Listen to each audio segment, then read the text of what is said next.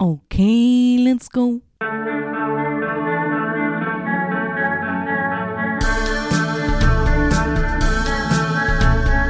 Nicolas Cage podcast.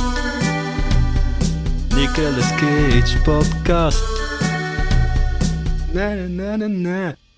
Vond je een film van Nicolas Cage leuk? Dan zou het kunnen dat hij in deze podcast zit. Nicolas Cage podcast. Na na na na.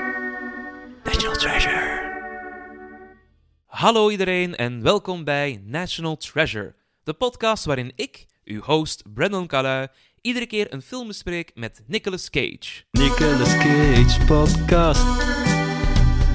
Joris de Buk is vandaag de gast in de podcast. Het is een man met een fantastische muzieksmaak. Hij speelt al eens graag Dungeons and Dragons, is Pokémon connoisseur en brengt LARP, live-action role-playing games, tot een nieuw niveau. Het is een man die graag babbelt zonder te bullshitten. Een man naar mijn hart dus. Welcome to the Cage Stage, Joris. Na na na na. National Treasure. Vampieren. Ja, welke vampieren? Eh, alle vampieren in deze, absoluut. Ehm, ja, we gaan het vandaag hebben over Renfield. Of mijn impersonation van hoe dat Cage het zegt. Renfield. Ja, die stem kwam wat meer naar voren. Hè. Zo dat hollere, zo die lichte, die zachtere toon door die, of die tanden in zijn, in Ja. zijn hemelte zo opeengepropt en gedrukt. Ja, Innocent victims. Ja. I want all of them. Ja. Oh, heerlijk vond ik het. Echt eh, heerlijk om hem te zien. Eh, ja, wij kennen elkaar nu een beetje. Beetje, hè, Brandon? Klein beetje. beetje. maar vooral, ja, meestal is mijn eerste vraag van, ben jij een, filmfan? Maar wij gaan ieder jaar naar zee. En we zitten ook iedere keer samen in een cinema. Consequente twee die zeggen, wij gaan naar de film. Ja, voilà, voilà. Maar eh, dan een andere vraag van, is er een film waarvan jij zegt, als ik die zie op televisie, of het is een keer een, een, een rustig moment, die film zit kop, wat voor film is dat? Of heb je een titel in gedachten direct? Dat gaat heel breed. Heel maar goed, als je mij gaat zeggen, geef een titel, is dat The Breakfast Club. The Breakfast Club? Ja. Oh, damn. En waarom juist Breakfast? Ik vind dat ongelooflijk hoe dat daar mensen in dusdanig andere culturen gepropt zitten en zijn. Leren zien, niet in wat is anders, maar wat is hetzelfde. Mm, Ja. En ik vind dat dan ook een heel sterk einde, hè, als hem zo wegloopt, Don't You begint te spelen. die en vest. de hand omhoog, dat is zo het grootste kippenvelmoment voor mij in een film. En ik reken daar de Two Towers mee, hè, van For the King, als ze daar naar beneden rijden. Ik reken daar de Horns of Rohan mee on the Fields of Pelennor. En correct. Maar de Breakfast Club, dat vuistje... Ja. Dat is een heel... Want als ik dat nummer hoor op de radio, zo dat Don't you... Ja, Dan dat direct in de auto ik ook zo... ja, Dat vuistje moet omhoog. ja. En ja, film ook. de andere, hè, die heb ik dan ook al nu indirect benoemd, hè, met The Lord of the Rings. Dat is altijd een palkje geweest, passie geweest. Eh, Tolkien, alles daarmee gerelateerd, gaande van de boeken tot de films. Ja. Ook The Ring of Power en The Hobbit, mindere mate. Eh, maar gewoon de interesse in ja, die fantasiewereld, die is Ja. ook heel sterk. Dat is, dat is... Ik vind dat ook zeer goed. Ik, heb, ik, doe ieder jaar Lord of the Rings... Dat ik ze allemaal een keer zie. Ja. En dan op een ander moment in hetzelfde jaar de Hobbits. Dus ik doe nu de Hobbits nog een keer allemaal zien. De dubbele marathon. Het is dat. Het is, eh, ja, anders wint, anders wint de slechterik. Hè. Ja, dan wint Sauron en Saruman. Dus dat kan niet, hè. Dus Eh, dat is dat een kapitalistische metafoor, Brandon? Eh, Ook. anders winnen ze, de, de klootzakken. Maar we zitten hier voor een Nicolas Cage podcast, Ja. National Treasure. Zijn jij een Cage fan?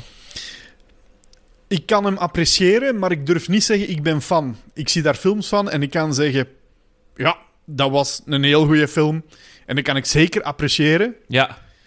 En ik kan ook zeggen... Maar is dat een acteur voor mij dat een must-see is? Mhm. Dan is het antwoord nee. Dus ik zit zo in de neutrale zone. Ik heb hem graag, ik weet wie het is... En ik kan er mij goed mee amuseren. Maar dat is ook goed, hè? En, Ja. en eh, naast deze film, want je hebt gekozen, hè, ik wil Renfield doen, is er dan nog een film waarvan zegt, ah ja, maar dat vind ik bijvoorbeeld ook echt een hele goede film, waar dat hij toevallig in zit. Eh, ja, Ghost Rider. Ja. Eh, de eerste dat ik daar echt in kan benoemen is mij bijgebleven als kleine Joris. Cool skelet met brandende motor, ja! Eh, Ja. Dus, eh, ja. Het is, we hebben hem ook hier al gehad. eh, Ja. En de uitspraak was: dit is een jongensfilm. Het is gewoon, jongetje gaat filmpje kijken en. Oh, motors en al. Nu, meisjes moeten uiteraard ook zien, hè, wat is gender en zo. Dat is allemaal goed. Maar dat is zo'n. Wowie! Ja. Verstand op nul, Ja, absoluut. brandende motor, slagende kettingen, wegkwaad. Maar, eh, en ik denk dat de meeste films dat ik er van hem ken, zo wat in diezelfde categorie vallen. Ehm, als ik dan kijk naar een Gone in 60 Seconds, eh, Drive Angry, die vallen zo voor mij ook een beetje in die categorie van verstand op nul, goede actiefilm en gaan. Nee, inderdaad, die, die, die, die fase van ja, de action phase Ja. van Con Air en zo is, Ja. eh, is zalig. Hè? Je ziet Ja. daar Cage. Dat is ook het meeste dat gememd wordt van hem. Hè? Naast Vampireskus. Conair klassificeer ik dan weer onironisch anders. Ja, zo? Ik weet niet wat dat is, maar Conair, ik vind dat daar veel meer personal touch in zit. Ja, ja, ik kan Omdat- dat heel moeilijk omschrijven. Als ik daar zo de dialoog in hoor, als ik zie hoe dat die mensen in dat vliegtuig specifiek met elkaar omgaan, Ah, ik krijg daar een heel ander gevoel dan het verstand op nul. Want als je oplet in Conair, dan voelt je de diepgang Ja, van wat dat die daar proberen brengen. Terwijl als ik dan naar een Drive Angry ga kijken, dan kijk ik, oké, gepijnde man, zware achtergrond, unga bunga kapot. Ja, ja, maar nu pakt er wel ook. Ja, Ja, hè, maar Drive gewoon- Angry is wel inderdaad een gabonga Ja. kapot. Eh bij in 60 Seconds vind ik het heel schoon wel dat je die relatie hebt. Dus ik zit mijn broer Ja. gaan helpen en dat daar helemaal rond. Maar Con Air vind ik... Ik vind dat heel interessant voor de psychologie ervan. Van, Ja. allee, eh, Steve Buscemi, zijn karakter, vind ik daar ook heel, heel interessant in. Dat Ja. hij opeens begint te zingen met dat kleine meisje. En je weet eigenlijk niet exact wat hem fout heeft gedaan, maar je krijgt wel de indicatie dat het daar rond iets moet zijn. het sterk innuerende zit daar heel leuk aanwezig. Maar Mhm. ik weet niet wat dat is. Dat zijn acteurs. Ehm, goh, ik ben ook zijn, de naam kwijt van een van die mannen. Maar zo de, de kalere. Ehm, ja, dat weet ik veel. ja, ik zal er ooit wel eens opkomen. Als we Ehm, ooit Con Air doen en dus gasten, kom maar af, dan, eh, dan zal ik het u weten zeggen, man. Ja, maar ik weet niet. Ik kan dat zo wel appreciëren dat iedereen er op een unieke manier heel veel diepgang weet te brengen. Mhm. En daardoor eigenlijk de kracht brengt aan de film. Het is zo niet één hoofdpersonage. Er is een hoofdpersonage aanwezig. Maar iedereen ondersteunt sterk. Absoluut, ja. En daarom vindt, voelt hij voor mij anders. Nee, dat snap ik. Ja, ik denk dat ik hem dan iets meer daarin categoriseer omwille van tijd. Dat Ja. het zo'n periode is van... Ah ja, nu krijgen we, tussen aanhalingstekens, dit soort films allemaal. Want dat zie je af en toe wel bij Cage, dat hij zo wat periodes heeft van... Ah ja, ik ga nu wel dit meer soort films maken, of dat soort... Ehm, ja, rond 2007, 2009 was het heel veel. Ik ga wat dubben. Dan was Ja. het zo wat Marvel shit. Is dat ook niet bijna een overgang naar National Treasure? Ja, Die periode dat ook ergens? Zo, Ja. ja. dat is eh, ik- de Brockheimer face noem ik dat. Ja. Dat opeens hij zegt van, ik ben terug en ik, eh, ik heb een idee voor de film.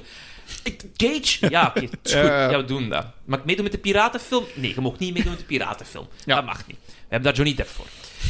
maar ja, als het dan gaat over fases... ik- eh, ik heb het er in deze podcast ook al over gehad met Fokke, dat er nu een soort fase is dat Cage wordt gezien als... Oh, jij kunt echt wel toffe shit doen en jij bent Ja. wat crazy. Wat als we daar wat meer naar gaan cateren? En ik vind dat Renfield daar perfect in past. Ik vind, om daar gewoon direct op te springen, wat heel sterk is aan Renfield, dat ik mis in veel andere films, is de extreem sterke gezichtsmimiek dat Nicolas Cage kan brengen. Oh, absoluut. Hij, hij, Ja. hij maakt het fantastisch. Dat, Ja. Zijn wenkbrauwen zijn heel goed bezig. Dat je opeens zit van... Hij gaat nu even de qua jongen uithangen. Ja. Als hij kwaad wordt, dan zie je heel zijn gezicht schoon verrekken. Absoluut dat. En dat vond ik daar... eh, zo in de gory horror comedy stijl, dat ze daar wat proberen te brengen, Ja. was dat zo een meerwaarde om die dan echt dusdanig knap aan het werk te zien. Oh, Ja, het is, het is kei goed. Nu, voor de mensen die Renfield nog niet gezien zouden hebben, wat, allee, hij is in de bioscoop geweest. Ik had, allee, ik had geen excuus.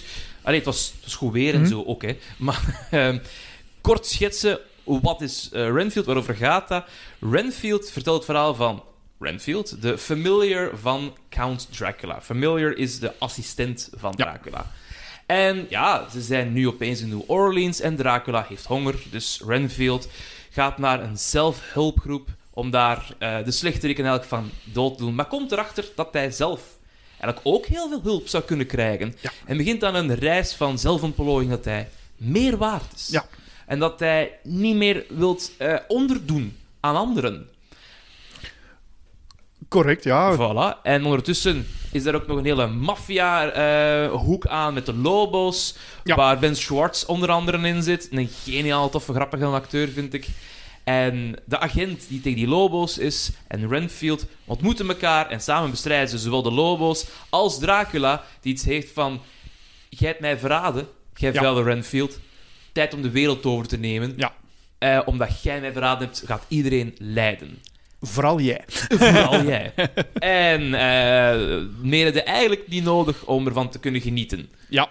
Het is, het is kei tof. En vooral om te weten dat het begin van de hele productie zo slecht was. Het, het begint eigenlijk al in 2014 voor deze film. Dat is een achtergrond dat ik niet ken, dus ik luister. Ah, wel, heel goed. Nee, kijk, 2014 zei Universal... Die een MCU van Marvel, dat is gaaf. Ja. Wij willen dat ook, maar wat hebben wij? We hebben niet echt veel superhelden. Wat hebben wij wel? Classic monsters. Zoals mummies, Frankensteins, ehm, zoals vampieren. Wij gaan dat doen, jong. Dus laat ons gaan. En dan pakken ze wel in één keer de meest welgekende wereldwijd, vermoed ik. Inderdaad, ze hebben eh, hun eerste film gemaakt. Dat was Dracula Untold van Gary Shore. En heb jij die film gezien? Dat is god, met de acteur dat Bart speelt in The Hobbit, denk ik. Hè? Ja, Ja, ja. ik heb die gezien, maar Wow. daar is niet veel van blijven hangen. Ah, wel, eh, aan de box-office ook niet, want dat was Ja. een gigantische flop. Dat was... Ja. Want ik had hem zelf niet gezien. Ik wist er geen hol van. De reden waarom dat ik nog kan zeggen dat ik weet dat is met die acteur, is omdat ik dat gezien heb en dat het enigste was van die film dat ik zei, dat apprecieer ik. Gewoon degene dat dus echt zo zijn origin story naar Dracula, dat Ja. hij daar eigenlijk heel leuk in kan spelen, was de enige meerwaarde dat ik kan benoemen van die film. Ja, Dat zijn sterke woorden, maar ik kan helaas er niets anders op plakken. Nee, maar ik geef u gelijk, want wat heeft Universal gezegd? Oké, dat gaan we vergeten. Verge- vergeet die Ja. film! Ja. Vergeet die film! We gaan dan nog eens proberen. We gaan opnieuw een Monster Universe opstarten. Doen dat in 2017. En wat vinden mensen tof? De Weerwolven. Weerwolven! Nee, mummies. Oké, mummies vinden mummies. mensen tof. Weet je nog, die films met Brandon Fraser, die hebben Ja, geld opgeleverd. Als we dat nu nog een keer doen, maar met Tom Cruise. Ik eh, hoor nu eigenlijk gewoon Recipe for Disaster, maar continue. Dat was het dus ook. Dus ze hebben de Mummy gereboot Ja. met Tom Cruise in plaats van Brandon Fraser. Wat dat dat is al een fout, vind ik. Ja. Want ja, de Mummy met, met Brandon is keigoed. Is Ja, maar jammer genoeg zit daar eh, volgens mij iets meer achter, Oh. waar dat we nu eindelijk de verduidelijking hebben gekregen. Ja, er zit, er zit zoveel pijn en Ja. zoveel Leed. wantrouwen ook eigenlijk. Oh, eigenlijk gewoon puur psychisch leed ook, hè. Ja, maar fysiek Ja. ook. Hè. Hij, heeft, Alles. hij, hij is gebroken Ja. in meerdere plaatsen Ja. voor die films te maken. Het is verschrikkelijk. Ja, ik, ik vind het heel leuk. Eh, Ik, ik ben de sukker voor de redemption arc, de underdog story. En dat moet ik nu even ook wel hier nu bij benoemen, dat dat heel leuk is om te zien bij een acteur als Brandon Fraser, die dat toch wel heel veel van ey, onze jeugd Ja, betekend heeft in films. absoluut. Maar ook in... Allee, Ik, was, ik ben een grote fan van Scrubs. En hij Ja. zit in twee afleveringen. En dat zijn tearjerker afleveringen. Dat is een keigoed. Eh, hij was George of the Jungle. Ja. Fantastisch, hè? Dat is keigoed. Dus ja, dat was niet goed, die, eh, die nieuwe mummy met Tom Cruise. Dus Tom, zei- Tom Cruise zei van, ja, maar dan ga ik mezelf gewoon proberen te vermoorden in de nieuwe Mission Impossible films. Opnieuw en opnieuw. En opnieuw, en opnieuw, en opnieuw. en opnieuw. Is om dat beginnen doen. Ja. En dan hebben ze gezegd, dat hele plan met die monsters in dat ene universe, we gaan we in de koelkast steken en we kijken er later wel naar. Ja.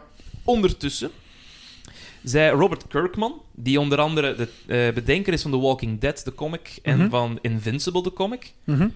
van... Ik heb een film gezien over een vampier en dat vond ik heel grappig.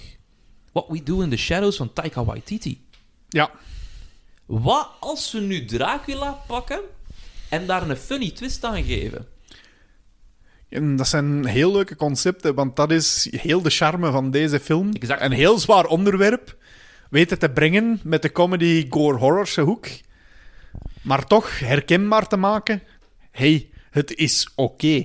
Ja, absoluut. Want wat, wat, wat Titi heeft gedaan, is gewoon zeggen van, ik vind dat geestig. En ze heel van die, ja, ik noem dat Nieuw-Zeeland humor. Gewoon gaan van, we zien wel waar het schip strandt, want Ja. we zijn gewoon bezig. Eh, en, en een heel schoon idee aan mannelijkheid vind ik ook in zijn werk. Dat, je moet Mhm. niet een buff guy zijn om man te zijn. 100% correct, maar ik eh, merk, bemerk daar heel graag ook zijn valkuil wel op, wat we in Thor 4 gezien hebben. Er zijn grenzen. Ja, oké. kijk, eh, eh, als het gaat over Love and Thunder, Ja, ik was fan van de geiten en daar stopt het een beetje. Correct. Toffe geiten. Ik absoluut. ben eh, vooral kwaad op die film door Christian Bale zo eigenlijk Ja, zijn glans weg te pakken. Christian Bale, ja, die was al Batman een keer. Ja. Dan gaat hij naar de MCU en denkt van, oh my god, als jij deze nu goed doet, dan jij Ja, de king of the nerds. Hij doet, het- hij doet het ook hij doet het briljant. Steengoed. En wat zegt dan Taika Waititi? We love him to death, maar eh, ja, niet te veel, hè. Correct. Ja, dat, dat, dat vind ik het probleem met Taika Waititi. Man, je zit te veel aan het doen. Pak een, Ja. keer, pak een keer wat rust. En durf toe te geven als iets te is. Ja, maar ik denk dat dat een studio vooral is die aan het duwen is dan van, maar ga nog, ga nog. Ja, er, er is comic relief en er is cringe. en die schaal was niet in evenwicht. Nee, dat is Maar waar. om dan wel even terug op Renfield te springen, hier vond ik dat wel. Ja, Ja. Dat, dat is inderdaad wel waar. Ehm, nu...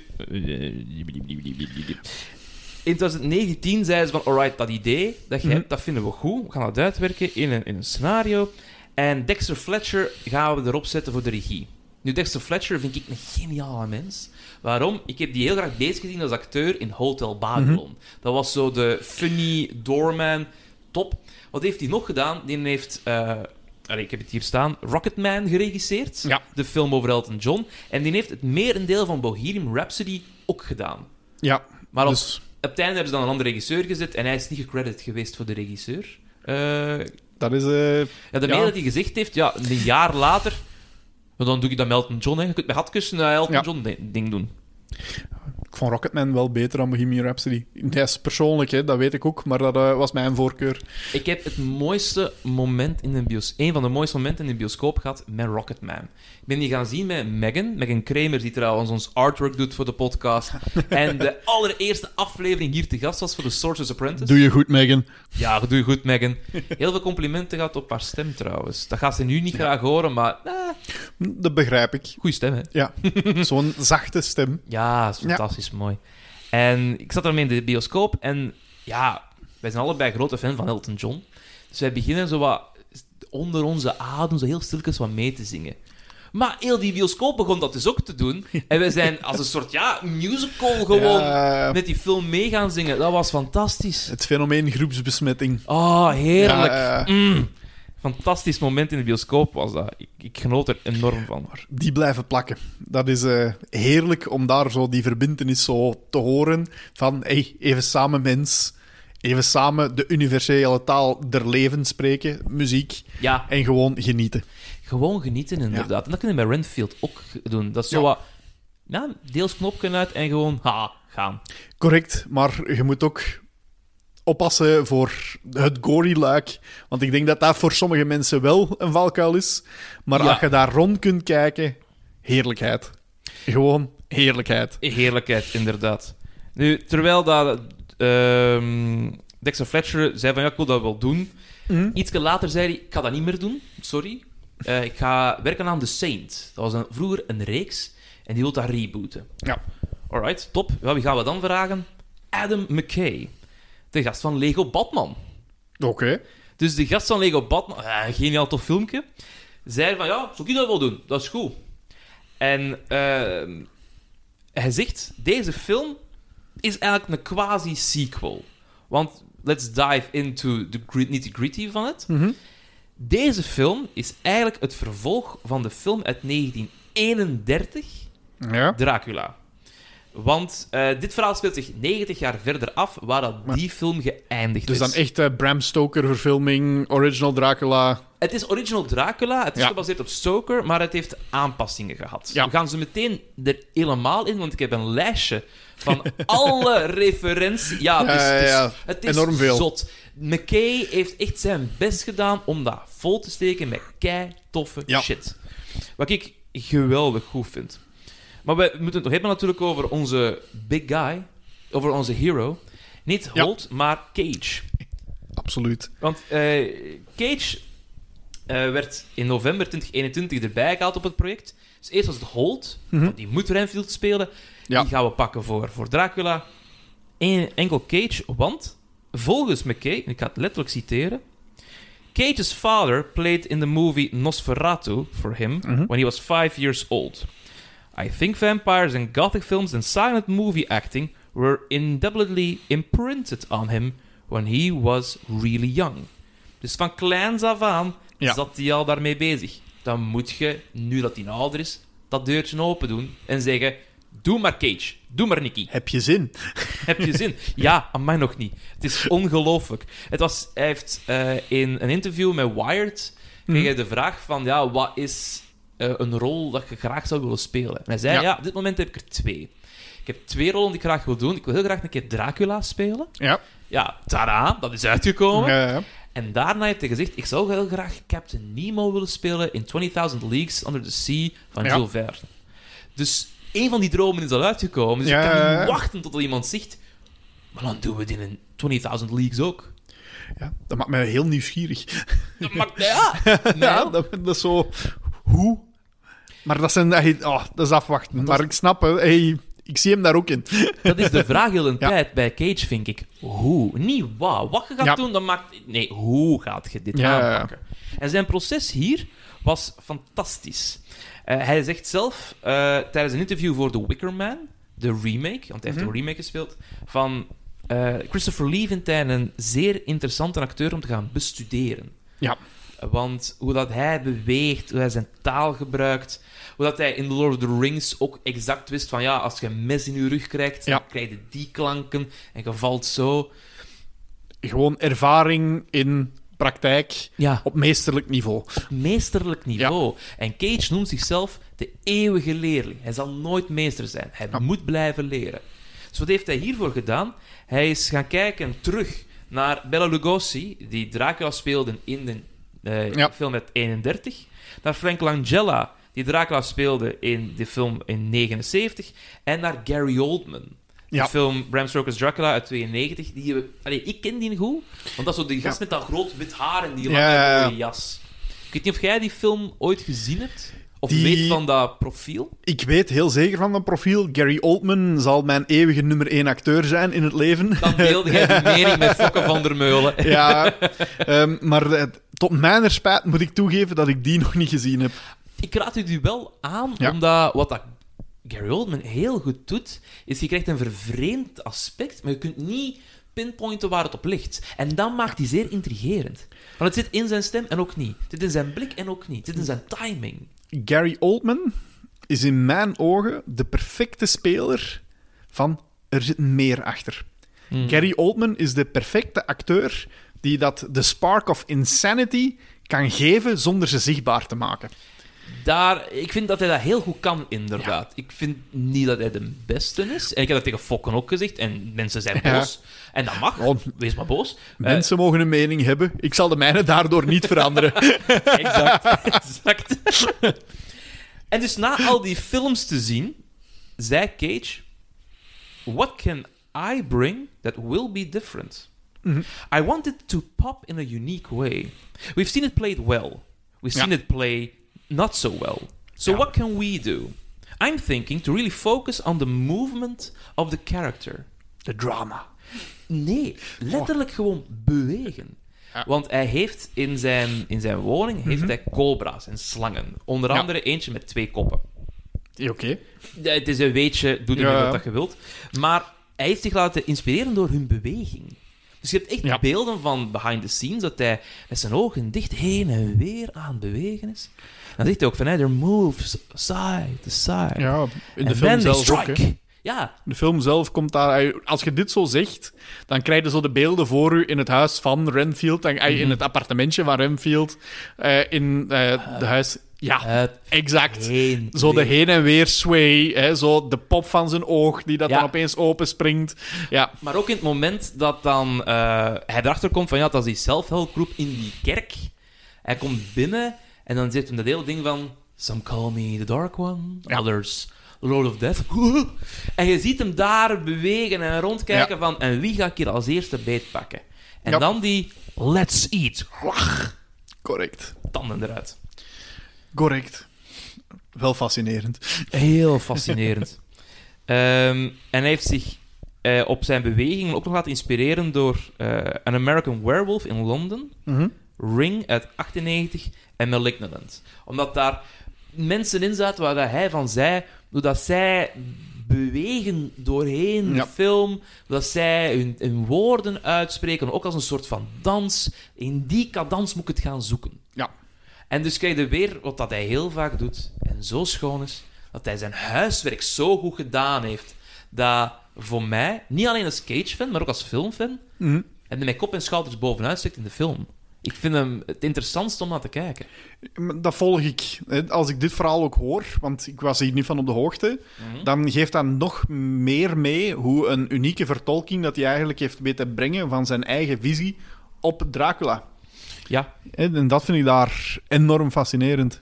dat, is, dat vind ik heel zot. Ehm, want dat is het mooie, daarom doe ik die podcast, om, om het, het werk Mhm. te kunnen laten zien. En dan Ja, interessant en goed is. Nu, wat ik ook heel interessant vind, is eh, in het begin krijg je zo die een voice-over Mhm. van, ah ja, eh, dit en dat en hetgeen. Maar je krijgt ook op een gegeven moment van, ik ga je laten zien hoe het allemaal gestart is. Dat beeld wordt opeens 4-3. Het is Mhm. een klein vierkantje, het is zwart-wit. Ja. Fun fact, In eh, Dracula's Mansion is dat nog hè, helemaal in... Ja, ja, Ja. Hier zie je eigenlijk al dat het een vervolg is, want die beelden zijn rechtstreeks uit de film van 31 genomen. Alleen hebben ze de originele acteurs eruit gegomd Mhm. en hun erin gestoken. Ja. Maar verder niks veranderd aan die beelden. Hoera voor moderne technologie. Hoera voor moderne technologie. Soms mogen u zelf een keer iets gunnen. Ja. Eh, en ik weet niet of jij dat weet, maar ik vond het wel verrassend bij het opzoeken hiervan. Mhm. Ik weet dat jij ook wel graag een keer een, eh, een game speelt. Ja. Er is een videogame uitgebracht met de release van deze film. Eh, wacht, hè. 2023 videogame. Papapam. Goh, ik weet dat de Telltale van Masquerade... Maar dat gaat... Nee, dat is, dat is, al, Ja. dat is al te ver af. Zeg het maar gewoon, Brandon. zeg het maar gewoon. Het is Anders, Renfield Bring Your Own Blood. Het is een spel dat ik op Steam Ja. kan kopen voor, wat is het, 5 euro of zo. Ja. Ehm, en ze hebben een soort cartoon-versie gemaakt van de acteurs. Ik vind dat je Aquafina heel goed herkent. De rest niet. En het is, ja, een soort... Je hebt een manneke Mhm. en er komen dan heel veel monsters op je af. En je moet gewoon blijven schieten en blijven Ja. kapot maken. Je krijgt dan nieuwe wapens. Eigenlijk eh, Vampire Survivor, Ja. maar dan eh, de Renfield twist. Ja, het is een Renfield skin op dat spel, inderdaad. Eh, ik heb het nog niet gespeeld. Ik heb enkel video's ervan gezien bij het opzoeken. Eh, ik weet niet of ik het ga kopen. Ik eh, denk dat ik mij daar niet aan ga wagen, want dat gaat eerder frustreren, lijkt me, dan dat ik daar echt zoiets van ga hebben. Oké, ik heb de time of my life in deze game. Nee, dat is inderdaad waar. Ik denk, ja, dat wordt vijf minuten plezant. Ja. En ehm, dat dat gevoel. dat gevoel. Nu, als jij naar een film kijkt, ehm, hoe, hoe belangrijk is muziek voor u? Enorm. Ehm, als je, zeker in movie theater, Hm? als je zo'n heel goede surround sound hebt, dan is een goede soundtrack of de juist gekozen nummers essentieel Ja. om dat juist dat beetje extra in een scène te kunnen beleven. Daar zijn heel stereotyp, om nog even terug te springen op de Breakfast Club van ja, daar ja, straks. Ja. Dat geeft die dusdanige extra ervaring dat je kunt zeggen: Ik heb een kippenvelmoment gehad. Mm, ja. En daarom is dat voor mij iets heel belangrijk, omdat dat ook helpt met het letterlijk verplaatsen in het beeld. Ja. Om de volle im- immersie te ervaren van wat dat je voor je ziet. En hoe vond je dat bij Renfield? Er zijn... ik vond het leuk dat ze originele nummers gekozen hebben. Ja. Hè, zo om het voorbeeld te pakken van in de bar, de vechtscène. Ja. Dat vind ik gewoon aangenaam dat ze daar durven gaan voor meer controversiële keuzes. Ik kende op die moment zelfs het nummer niet. Ehm, dus ik vind daar gewoon fijn als je dat durft. Ja. En Renfield, algemeen ook, om nog een voorbeeld te gebruiken in het begin, hè, omdat je de beginscène aanhaalde, ja. zo de spooky spoopy sounds. dat zijn van die kleine dingen. Waar je van denkt... Yes. Dat is iets wat, wat iets afmaakt. Laat ik het zo eh, benoemen. Ja. Nee, ik, ik, ik volg je daar helemaal in. Ik vind muziek echt ziek belangrijk. Ja. Nu, ik ken niet veel van muziek. Kende jij veel van muziek? Dat is, eh, een- ik ken veel artiesten en ik ken veel nummers, maar ik ken niet veel van muziek. Maar ik vind dat al veel. Want als ik naar de radio luister, ga ik van... Oh, wat een, wat een leuk liedje is met dit. Oeh, nummers. En dan gaan ze van... En dit is Hubbel de Plup met Flappel de Flap. En ik denk van... Oh, nooit van gehoord. En wel, Hubbel de Plup en Flappele Flap, hè, dat zal ik kennen. Maar Dan vind ik dat al veel. als we gaan kijken naar hoe lees je een partituur, hoe speel je Ah. een instrument, Ja, oké. als, je, als het gaat over songwriting, eh, dan eh, is dat voor mij eh, ding, ding, ding, ding, ik ben blond, laat me zijn. Wel, de, de, de persoon die dat hier heeft gecomponeerd was Marco Beltrami. En die heeft al films, gema eh, films gemaakt, muziek gemaakt voor Ja. films eerder, voor heel veel genres. Horror, zoals eh, Scream, Ja. een originele, en de remake. A Quiet Place, Mhm. eh, ook heel goed. Voor Logan en Hellboy, dan hebben we het over superheldenfilms. superhero movies. En science fiction films ook nog. Snowpiercer met Ja, Chris Evans. Dat is met die een trein zeker? Of, Met die eh, trein, ja, inderdaad. De wereld ja, is om zeep. Ja, deze trein zit nog de rest van de mensheid. Ja, En iRobot heeft hem ook gedaan. ja, met Will Smith zeker. En de drie robot rules van... eh, Asimov. De naam van de... Ja, die. Ja, en dan heb je een aantal nummers. Ja, ik wist ze ook niet echt. Eh, Super Dead Friends van Youngblood. Vond ik wel een coole titel. Ja. Dus- maar dat is zo'n meer moderne artiest. hè. Ik zie er nu wel veel van Mhm. verschijnen, maar ja... Dan weet jij dus meer dan ik op dat punt. Ik denk dat hij Eh, zelfs op Pukkelpop geweest is dit weekend. Dat kan, maar ik, eh, dat lees ik niet. Ik, Ja. Iets, geen eh, iets vaag in mijn achterhoofd zegt... Ah. ah. Eh, My Chemical Romance zit er anderen ook in. David Wilkins. En eh, dat vond ik wel een tof nummer. I'm Free van de Soup Dragons. Dus op een gegeven moment, op het einde van de film, ja, Mhm. spoiler alert, skip even een minuut of twaalf of zo, weet ik veel. Eh, wat is tijd? Dit is relatief, Einstein. Ja. maar, Hij is ook lang genoeg uit. Ik denk dat spoilers wel toegestaan zijn ondertussen. denk ik ook. Maar ja, mensen.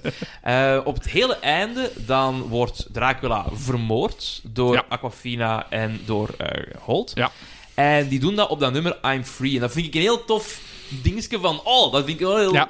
Giddy, tof nummer. Maar zo het, dat is ook nog even verwijzend naar de muziekreferentie van daarnet. Dat geeft een heel euforische tot vrolijke twist aan een vrij grimmige scène. Ja, absoluut. En dat vind ik heel slim in deze film. Ja. Dat die muziek, de, ook de originele sound, maar ook de nummers dat ze erbij hebben gehaald, Ja.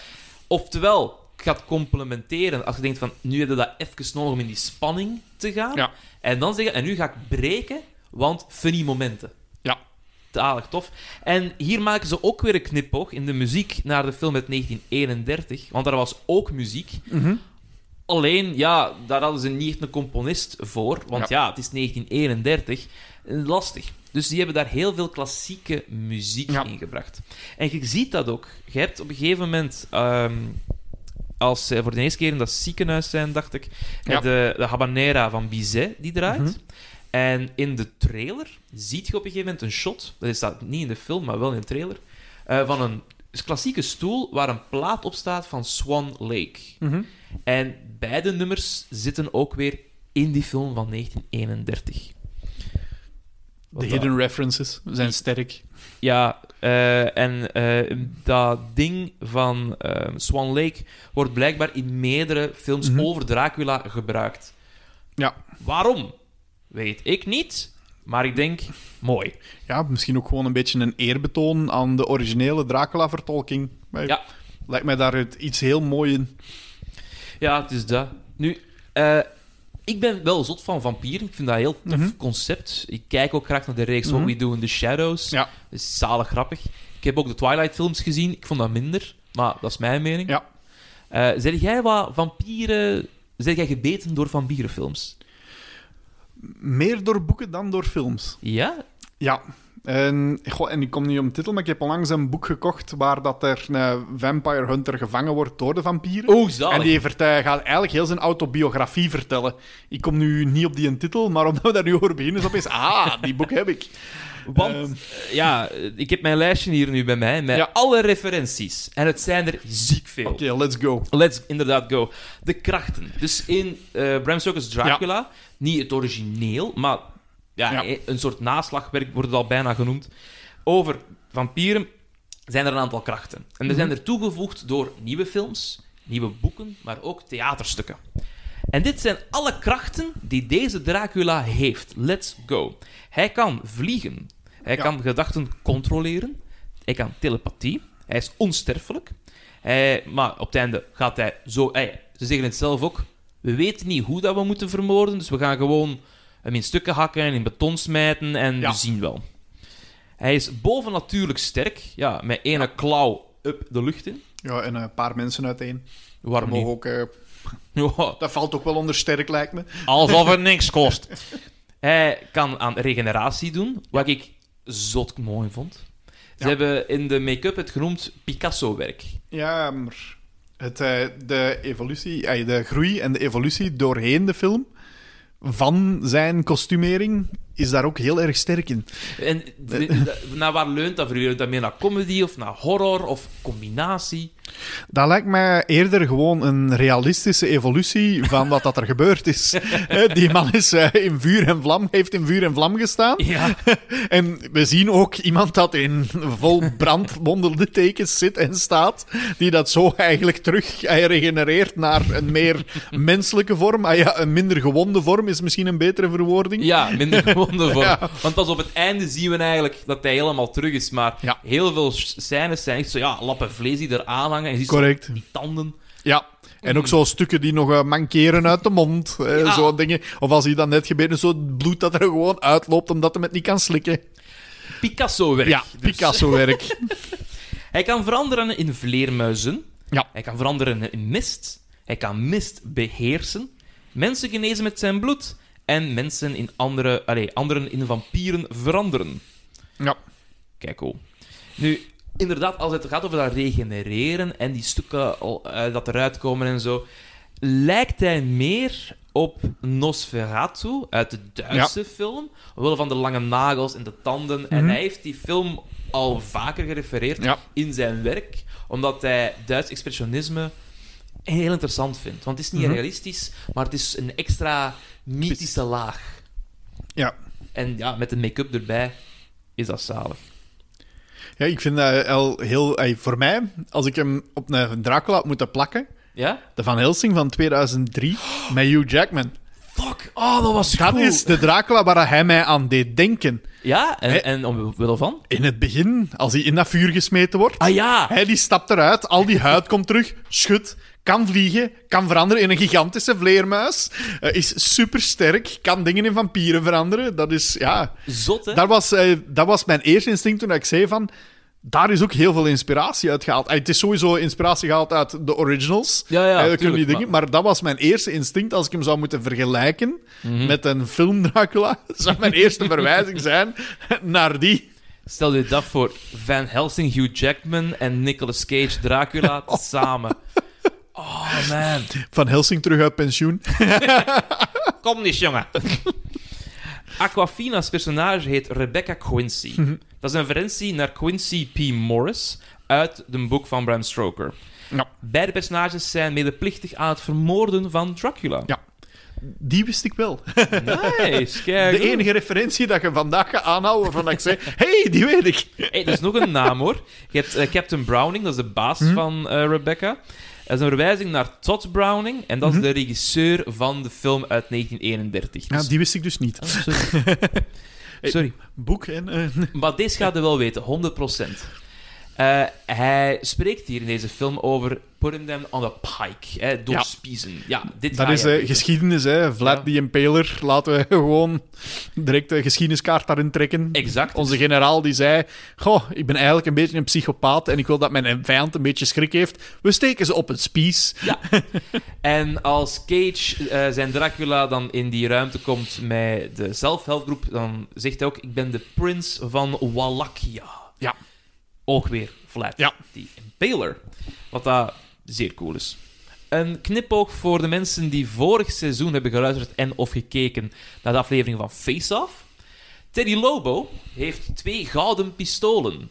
En er wordt gesuggereerd door mensen op Cage-fora's, er zijn er, dat eh, dat waarschijnlijk een knipoog moet zijn naar Face Off. De Golden Guns daarin. Dus ik vind dat leuk. Dat is heel leuk, zeker als je het kent. En ik zit hier. We zijn er bijna door. We zijn er bijna door. Nee, nee, nee, nee. Het is Oh. daar niet om met Brendan, maar om de referentie die ongekend is. I know, I know. dit, is, dit is zo Cajun in Cage. Ehm, er zijn heel veel weerwolven. Of wolven. Eh, Lobo zijn logo Ja. is een wolf. Ze komen met wolvenmaskers binnen. ja, Is dat een referentie naar Bram Stoker's Dracula? Hij zou in dat boek kunnen veranderen in een wolf. ja. Ik denk dat dat ook in de film van de jaren 60 of zoiets. zit. Of er is een. Nee, dat is een recentere serie, de laatste tien jaar. Waar Dracula in plek van in een vleermuis verandert in een wolf. En dat is Oeh. volgens mij van op Netflix geweest met een vier afleveringen. Dat zal die Britse zijn van de BBC. Ik denk het, eh, dat zou goed kunnen, maar dat staat mij voor. Ja. Eh, want dat is dan echt zo met forten en wat dan ook. Dat hij Oh. eigenlijk verandert vanuit een wolf. Want dat heb ik nog niet gezien dan. Dat wil ik wel een keer zien dan. Ik moet dat echt nog eens opzoeken, want het staat mij voor dat ik, dat ik het op Netflix gezien heb. Mhm. Maar ook dat weer is zo ergens ver in de achtergrond verdrongen, waarvan mijn brein zegt: Weet je nog? Ja, zo eentje. Er zijn heel veel kaarsen in eh, het eh, ziekenhuis. Dat is een referentie naar de film uit 79, Dracula. Nu, fun fact over die film. Ik ben echt aan het afvuren nu. Hè. Doe maar. Ik, eh, ik ontvang. Er waren... Je moet het eens opzoeken, die film. Dracula uit 79. Gewoon foto's van de set. Want er waren zeer veel kaarsen. Die hebben eigenlijk hun, hun setlampen zitten dimmen. dat, die, dat licht van die kaarsen hem meer verlichten. Het was zo gevaarlijk dat het een brandgevaar was. Ja. Dus ja, elk moment komt dat daar in de fik gaan. Dus, eh, Dat de brandweer stond klaar voor. Laat ons zeggen ja. het, het blijft Hollywood. Eh, wat hebben we hier nog? Namelijk ehm, het beroep van Renfield. Wat is hij in deze film? Weet je dat nog? vastgoedmakelaar. Vastgoedmakelaar, Ja. inderdaad. In eh, de film met 31 is hij een advocaat die geld Ja. wilt verdienen, ook weer met contracten. Dus daar zitten we weer Ja, met dat vervolg. En in het origi- origineel is het dat niet. Hij wil geen geld verdienen. Hij is een patiënt in een psychiatrische instelling. Want hij leidt Mhm. aan waanbeelden dat er een gast is en die kan veranderen in een vampier. Allee, in een vleermuis. Hij is een vampier. Zot. Nu, dit vond ik heel fijn. Ik, ik hou van poëzie. Mhm. Ik heb vroeger heel veel nog opgedragen met poëtische eh vertoonsels. Hij zegt op het einde, onze Dracula... He would like to spend a season in hell, where all the amusing people are. A season in hell Mhm. is een verwijzing naar het Franse gedicht Une saison en enfer van Arthur Rimbaud. Mhm. Waarin dat er wordt verteld, ik wil naar de hel en wat gaan we Ja. daar doen? Dus dat is een knipoog. Als ook zijn laatste woorden zijn... Hel! Satan! Dank u. En... Mooier, eh, echt een mooie, mooi eerbetoon aan die laatste woorden, Brandon. Eh, thanks. Voor iedereen die luistert, sorry hè, mannetjes. headphone users, Absoluut, sorry. you're fucked. hè. Is een referentie ook weer naar de film met 31, want daar wordt gesuggereerd dat hij zijn krachten zou gekregen hebben van den duivel hemzelf. Ja. Wat cool vindt. Eh, het Huis van de Lobos is, is geïnspireerd op dat van Goodfellas en Scarface. Ik zie het niet echt, maar ik geloof het. Ik ga je gewoon op je woord geloven en ik denk in mezelf, oké. Ja, mijn referentiekanalen zeiden dat. Ik geloof Ja. het ook niet echt, maar oké. En de laatste, en dat vind ik heel tof. Nicolas Cage heeft al een keer een soort van vampier gespeeld in Vampire's Kiss, waarvan Mhm. hij overtuigd was, ik ben vampier, en hij eet daar een kakkerlak. Mhm. Nicolas Holt eet in deze film ook insecten. Ik denk ook het eerste insect dat hij eet, is volgens mij een kakkerlak. Of eh, dat kan een spin geweest, maar ik weet dat er... Er is echt een beeld dat ze het zo heel mooi laten zien uit het Mhm. doosje en dan zo'n gigantische kakkerlak. En hij heeft ook die echt moeten eten. Net zoals Cage heeft Holt echt moeten eten. En hij vond het verschrikkelijk. Hij vond het goor. Ja. En Cage zei toen... I get that. It is nasty. Ja, eh, Australiërs doen dat dagelijks, eh, insecten eten. Heb jij dat al een keer gedaan, insecten gegeten? Goh, ik doe dat wel graag, zo eh, dingen ontdekken. Je hebt zo van die boktorwormen, die heb ik Ja. al gegeten. Springkanen, die dat, Dat ze zo lekker, in hè? dingen. En die zijn, dat was enorm goed. Ja, ik vind het wel. Ik Ja. denk altijd van, geef er iets meer zout op. Of een lekker sausje erbij. Dat is voor mij de nieuwe chips. Ja, de België nu is duidelijk aanwezig, eh, Brandon. Ik weet het, ironie van het verhaal. Maar dat was het meest Belgische dat ik ooit gehoord heb om een insect te eten. Ja, nu opeens ben ik zo de gast van de Vos Lemmens. Ja, dat is hem! Stel u voor, de nieuwe reclame voor Andaloes. Met een springkaan, dip. Au. Zeg de Vos, ja Lemmens, springt dat eten van u ook weg? Nee, hè? wel, mijn spring... Houd dat wel zijn! Ah, dat is hem! De nieuwe springkaansaus van de Vos Lemmens. Aan tafel! Als jij naar een film gaat kijken, bioscoop, Ja. Netflix, noem maar op, zeg jij iemand die zegt, ik wil een review zien? Nee, ik verafschuw dat. Ja? Ik eh, geloof sterk in self-fulfilling prophecy. En vaak als je reviews leest of ziet, gaat je onbewust erop beginnen letten dat je die dingen ziet. Oh. En ik ga heel graag kijken om mijn eigen oordeel te kunnen vormen. Ja. Dus ik zal zelden of nooit een review lezen tot ik het daadwerkelijk zelf gezien heb. En verandert uw mening daardoor? Hoogstens zal ik daaruit kunnen leren, maar eh, meestal verandert mijn mening daar niet door. Om een voorbeeld te geven, Aragon Movie 2009, is zoiets. de hè? slechtste vertolking van een boek dat er bestaat. Hmm. Maar ik heb die gewoon gezien voor ik daar alles van gezien heb. En ik vond dat op zich een leuke film. Ja. En, en daardoor maakt wel dat ik die zaken kan loskoppelen. Oké, ja, dat is wel knap. Dat is wel goed. Weet jij wat de film het goed heeft gedaan? Eh, ja of nee? Goh, ik, Of hoe denk je dat hij gedaan heeft? Misschien is dat een interessantere vraag. ik vermoed dat dat onthaald wordt gelijk een Adam Sandler film. en dat tussen de 6 en de 7 op een IMDb gaat staan. Dat doet een beetje pijn dat je hem vergelijkt met Adam Sandler, Nee, maar- maar, ik snap het. De referentie De naar het gemiddelde cijfer. I know, I Ja. know. Eh, de film is uitgekomen op 30 maart 2023. Mhm. En iets later, op 14 april, kwam hij in alle bioscopen van de Ja. States.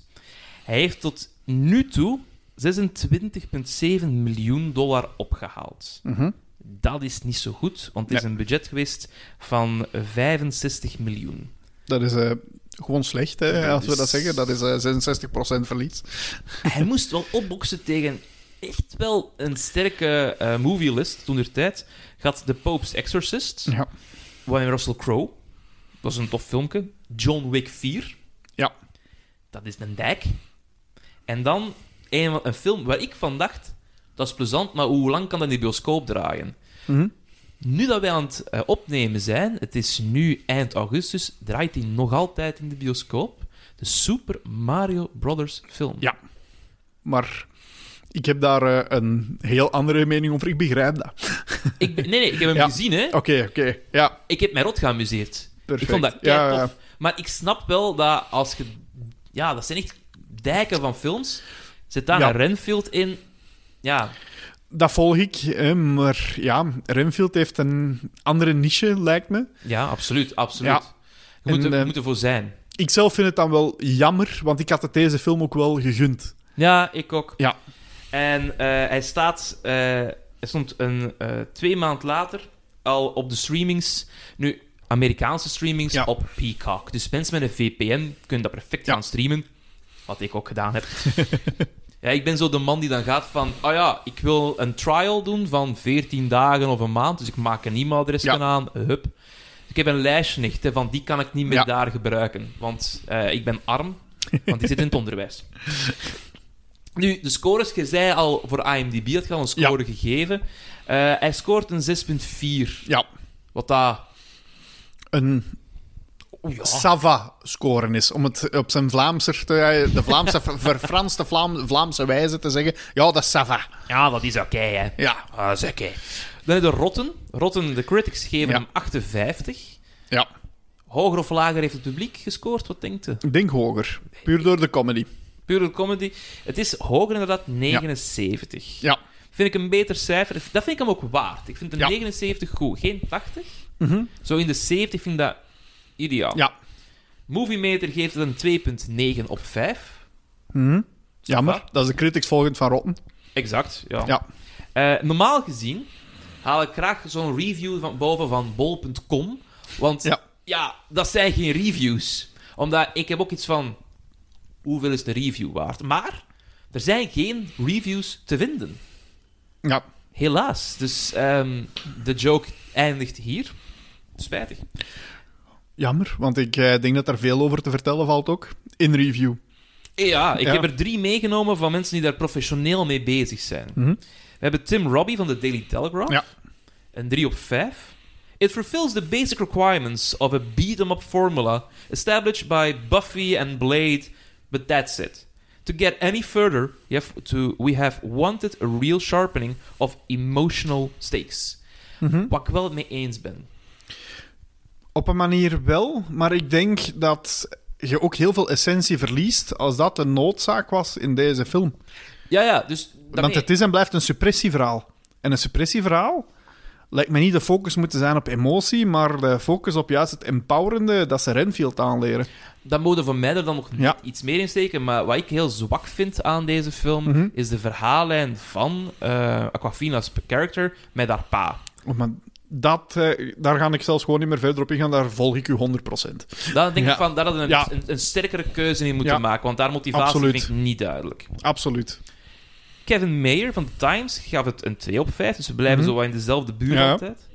A gore-splattered, consistently tiresome one-joke movie that could only have been pitched in a Hollywood development meeting as, well, you know, it's, it's fucking Dracula. Mhm. Daar ben ik het dan weer niet mee eens. Omdat zit voor mij, wat je ook Ja. zegt van het is een soort verhaal van empowerment. Dat vind ik er heel Ja. goed aan net. Ik vind het juist leuk dat ze het empoweren van een narcistische tot persoonlijkheidsstoornis gerichte relatie met zo'n comedische toon weten aan te pakken. Ik vind dat dat, dat, dat gaat meer kunnen aanspreken dan daar de zoveelste documentaire rond. Ja, Dat is iets dat is op een heel andere manier naar een publiek leren spreken. Ik vind dat, als ik die tweede review hoor, dan denk ik in mezelf: oké, dat is het EQ van een walnoot. Succes. ja, dat vind ik een heel leuke zin. Ik, Ja? ik ga die gebruiken voor, eh, voor meerdere doeleinden. die kun je van walnoot. een walnoot, ja. Ik kan niet. dan, dan heb je niet gedacht wat gebeurt er in die film. Ik ga het zo zeggen. Nee, want wat dat gezegd vind ik heel goed. Hè. Allee, ik merk dat ook in het onderwijs en zo, dat een boodschap die met een knipoog wordt gebracht en een beetje humor, komt veel makkelijker binnen en wordt veel meer goed verwerkt dan een harde lijn en een harde boodschap. En ehm, ja, je gaat beginnen kijken ook wel, vind ik, na de film van...